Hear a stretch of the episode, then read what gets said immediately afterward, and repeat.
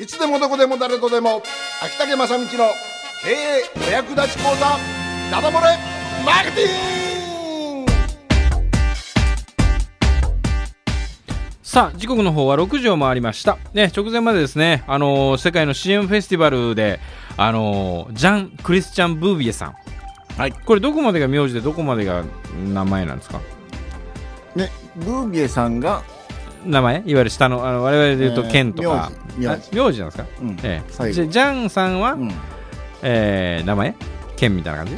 えセカンドねあの何クリスチャンは？あのミドルネームが。ああ。のーあるねうちだったらキャンディーとか。そういうやつね。そういうやつね。アントニオえとか、えはいはいはいはい。あなるほどね、うん。はいであのミドルネームっていうのは、ええええ。これどういうものなんですか、あれはね、うん。組織に属しましたみたいな感じですかね。例えばジジアの一員ですよって。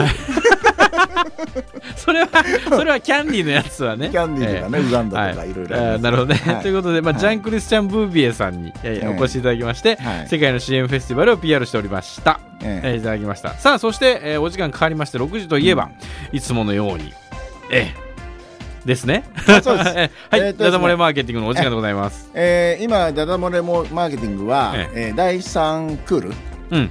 えー第3なんていうプール？そう第3クール。クーはい。ルに入っておりまして、えー営業心理学うん。っていうふうに、そうそうそうそう。今日3回目かな？そうです。今日3回目だね、はい。で今日はですね、えー心理的リアクタンスというの。おお言葉がちょっと難しっぽくて嫌ですね、うん。ですね、うん えーこの心理的リアクタンスっていうのはですね、えーどういうことかと言いますと人は、えー生まれながらにしてというか、うん。えー自分の行動や選択を自分で決めたいという欲求があるうーん。まあそりゃそうですよね、えとでしかしこれを、えー他人からこうねえうん。ちょっとこう強制されたりこう邪魔されたりすると、うん。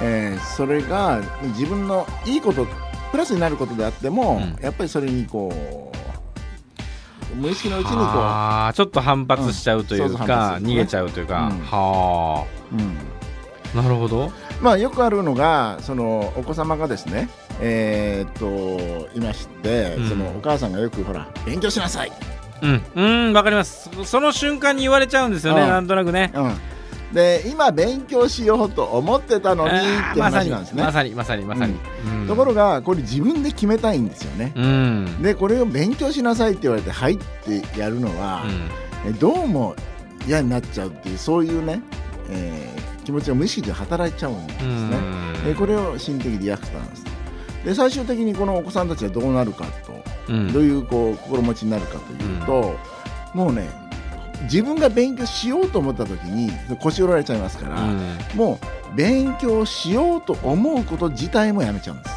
うーん。ここが結構重要で、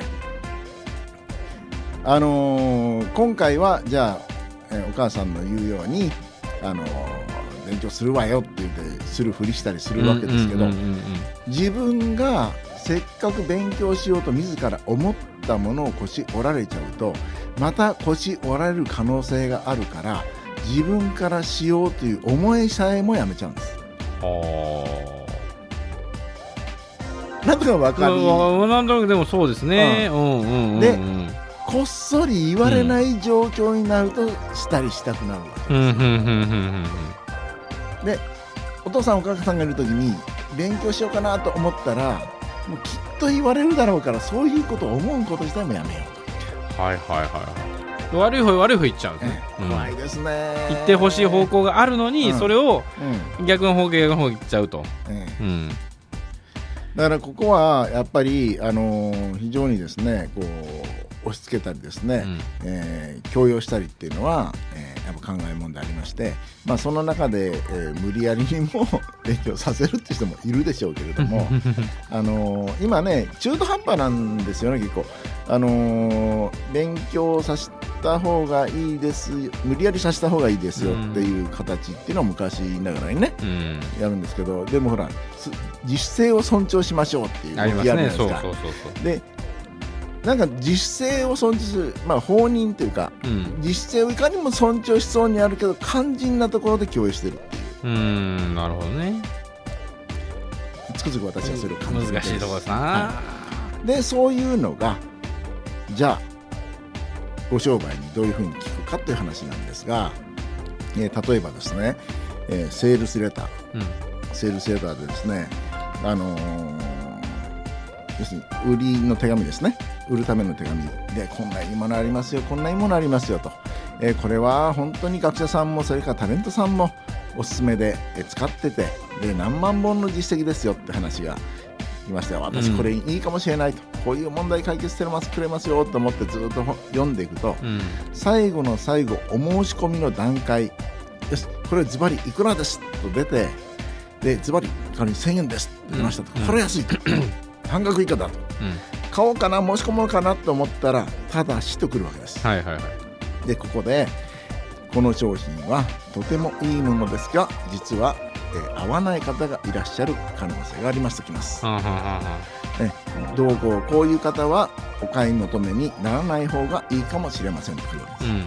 あるいは、えーお買い求めいただけませんってくるわけうん。ですでその時に私が買おうとせっかく思ったうん。のに、にそれを止められちゃう、はいでこれをですね、うん。もう無理やりこの出しようっていう心がですねはあ逆にねそこでちょっと引くというか、ええ。それがええ。逆の心理でより強く働いちゃうんだお客さんとしては。そうなんです。すげえ私はいけないのってなっちゃうんです。はい。ではい。はい。どうしても欲しい人は、うん。もうすぐ電話かけちゃう、こういうふうに書かれてますけど私のこれは当てはまるんでしょうか？うんなるほど。でねそれで関わりを持つと、うん。もうこれはみたいなね、で あとですね、うん。えーこんないいものがあります。こんないいものでバーゲンを思い出してください、うん。でバーゲンですね、あもう買おうと思ってダーッと並んでいくでしょ、うん。うんそしてあったーと思ってあのほらあ売台のねどさっとうん。積んであるやつ。積んである台の上のね、え乗ってあったーと思って取ろうと思ったその瞬間横から手が去ってきて取られる、えはいはいはいはいはい。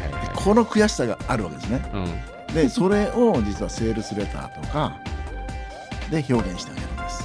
おー。だから、あのー上手なスーパーさんとかうん。百貨店とか小売店さんで、あのタイムサービスを上手にやるところはうん。綺麗に売り切れますよね、うーん。あ今からタイムサービスですよって言ったらその辺を刺激しながら売っていくわけです。うんうんうんああのバイトのお兄ちゃんたちはねそこまでもちろん考えてないと思いますが、うんあのそれは、えー早く買わないとなくなるっていうね。もうそういうことに陥りたくないっていう心理が働きますかならるほどね。だからどんどん買っていくんですがもうあの上手じゃないところはシールペタペタ貼ってですね、うん。ああそうはいタイムシールタイムサービスって言っても誰も寄りつかないみたいになっちゃうんですね。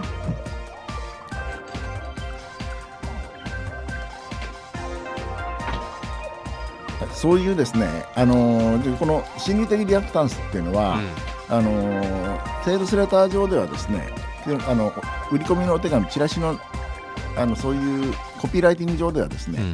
まあ、心理的リアクタンスを活用してここで最後の最後、えー、なろう絞り込みっていうのを行うんですね、えーこれはなぜかと言いますと、えーあんまりいいよいいよこれいいですよって売っちゃうとですねそうしますと、えー本来似合あの合わないお客様まで買っちゃう可能性があるんですね、うんそうなると、えークレームの元になりますので、うん。これはだから最後にやっぱり良心的にもですね、うん。あこういうお客様は、えー買わない方がいいですよあるいはお勧めできませんって正直に言った方がいいんですうんね、うん。で正直に言えば言うほど実は欲しくなる気持ちは高まるんですだけどうんうんあのついつい商売人の気持ちとしてこれ言うと売れないかもと思っちゃうもんですから、うん。それを言わなくなっちゃうから、うん。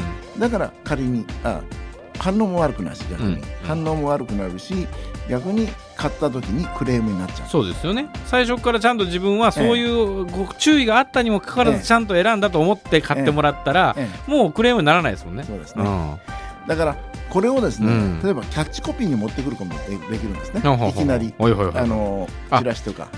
こういう方々にはおすすめできません。そうなんみたいな。あーあーなるほどね。そうするとあの普通チラシっていうのは最初から何かを売り込むものとして見ますから、うん。その時にいきなりお勧めできませんって言われた時に、うん。ここで来週やりますね。認知的不協和自分がこうだと思って読んだのに実はそこに、えー違うものがある。うん。言葉がある時に不協和が自分の心とチラシの間で不協和が生まれるわけですね、うん。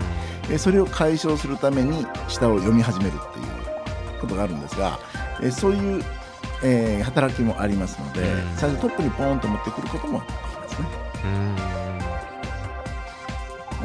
うん。だから、えーもうあらゆるところで例えば店頭さん店頭でですねあのマイク使って売り出しする時も、えーはいこれは何々様だけにおすすめですって言われたら、うん。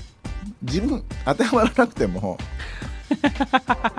見ちゃう、はいはい。そうですね。ええ。あそれからチラシとかでも4歳以下のお子様をお持ちのあなた様へって言われたらーうん。あっと思っちゃう。そうですね。うんうんうん。うちは5歳だけどってねそうそう。でそそれに当てはまった人は誰なのかしらって見ちゃいますよね。えでこの辺がですね あの心理的リアクタンス、ん。でまあ、それから派生するものとえしてですね、うんうん非常にこの無意識の抵抗とかですね、うん。えーいうのが、えーこれは非常に重要な売りの世界で重要なことであってそしてこれを、えーしっかりと活用すれば反応が上がる上にさらにクレームが減るという、うん。